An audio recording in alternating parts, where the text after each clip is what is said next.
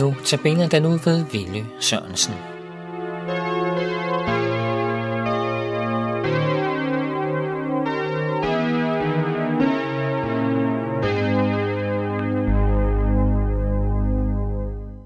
I dag skal vi høre det korteste juleevangelium.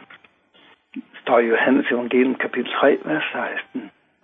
Således elskede Gud verden, at han gav sin enborne søn, for at enhver, som tror på ham, ikke skal fortabes, men have evigt liv i ham. Når jeg siger, at det er et juleevangelium, er det fordi, det på en fantastisk måde udtrykker, hvad der var årsag til, at Gud lod det blive jul. Gud så vores situation. Han så, hvad det var, vi trængte til. Og i stedet for at spørge, om det var noget, han var interesseret i at give os, så så han på vores nød. Og kærligheden til os fik ham til at glemme, hvad det kom til at koste ham selv og koste Jesus, at han lod Jesus blive sin gave til os. For så højt elskede Gud verden, og verden betyder faktisk alle mennesker. Ser vi efter på grundsproget, så står det den ugudelige bortvendte menneskeslægt. Og det betyder, at hver enkelt af jer, som lytter med, må sætte jeres eget navn ind i teksten her. Du prøver at læse mit navn ind i teksten, og så må du sætte dit eget navn ind. Således elskede Gud Vily, at han gav Vily sin eneste søn, for at ville, som tror på ham, ikke skal fortabes, men have evigt liv i ham. Er det da virkelig sandt, at den, som får Jesus, har evigt liv og ikke skal gå fortabt? Ja, det er det, som ordet siger til dig. Derfor er det så vigtigt, at vi tager imod Guds gave. Du har sikkert her i juledagene oplevet, at der var nogen, der kom med gaver til dig, og du tænkte ikke på, at du skulle betale for dem. Får man gaver, så må man bare tage imod dem med tak. For en hel del år siden fejrede vi jul på Bornholm, og min lille søster var gæst hos os, og hun havde foræret vores ældste barn, en datter, en fantastisk smuk og dejlig dukke. Men det havde min datter aldrig troet på, at hun skulle få, selvom hun havde ønsket den. Og da hun pakkede papiret der den juleaften, stod hun bare fuldstændig overvældet.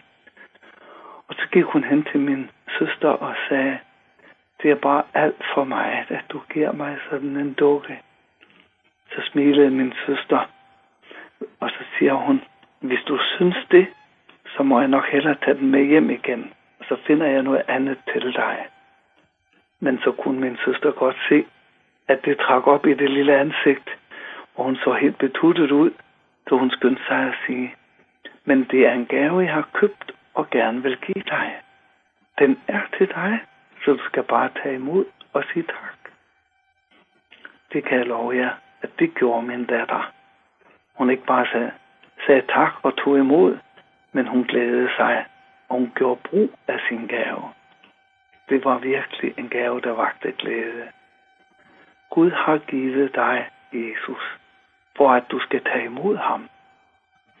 I Johannes evangelium kapitel 1, vers 12, står der, at alle dem, der tog imod Jesus, gav han ret, magt til at blive Guds børn, dem, der tror på hans navn. At tage imod er at sige tak. Men det kan gå sådan, at vi nogle gange får gaver, som vi virkelig ikke rigtig ved, hvad vi skal bruge til. Da jeg for nogle år siden fyldte 60, havde jeg et stort gavebord. Og der stod også gaver, som jeg ikke umiddelbart kunne se, hvad jeg lige skulle placere, hvor jeg skulle gøre af dem. Men de stod i en krog henne i vores stue et stykke tid.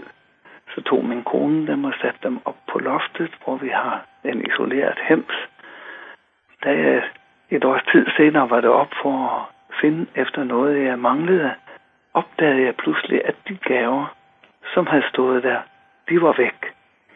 Når jeg kom ned af stenen og spurgte min kone, de gaver, jeg fik til min fødselsdag, hvor er de blevet af?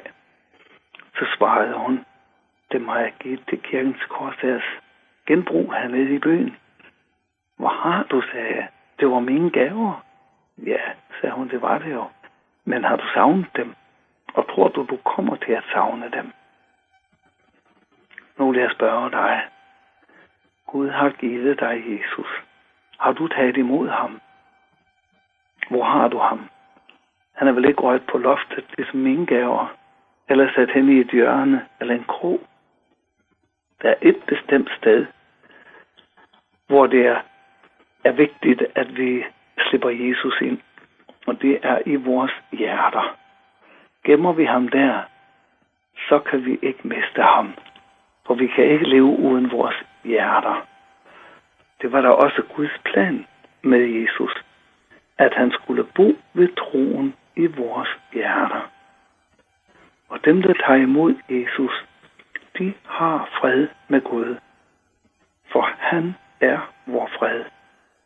Og den sidste aften af sit liv siger han til sine disciple, at der var to ting, han ville give dem. Han siger, min fred giver jeg jer.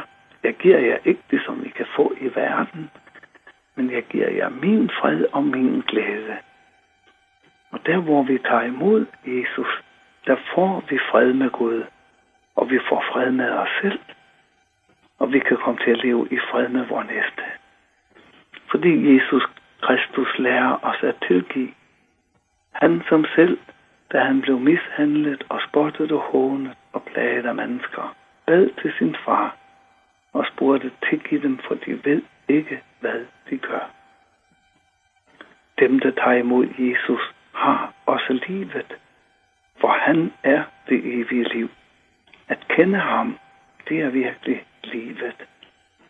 Det er derfor, det er så afgørende vigtigt, at vi tager imod ham og lader ham få lov til at bo i os.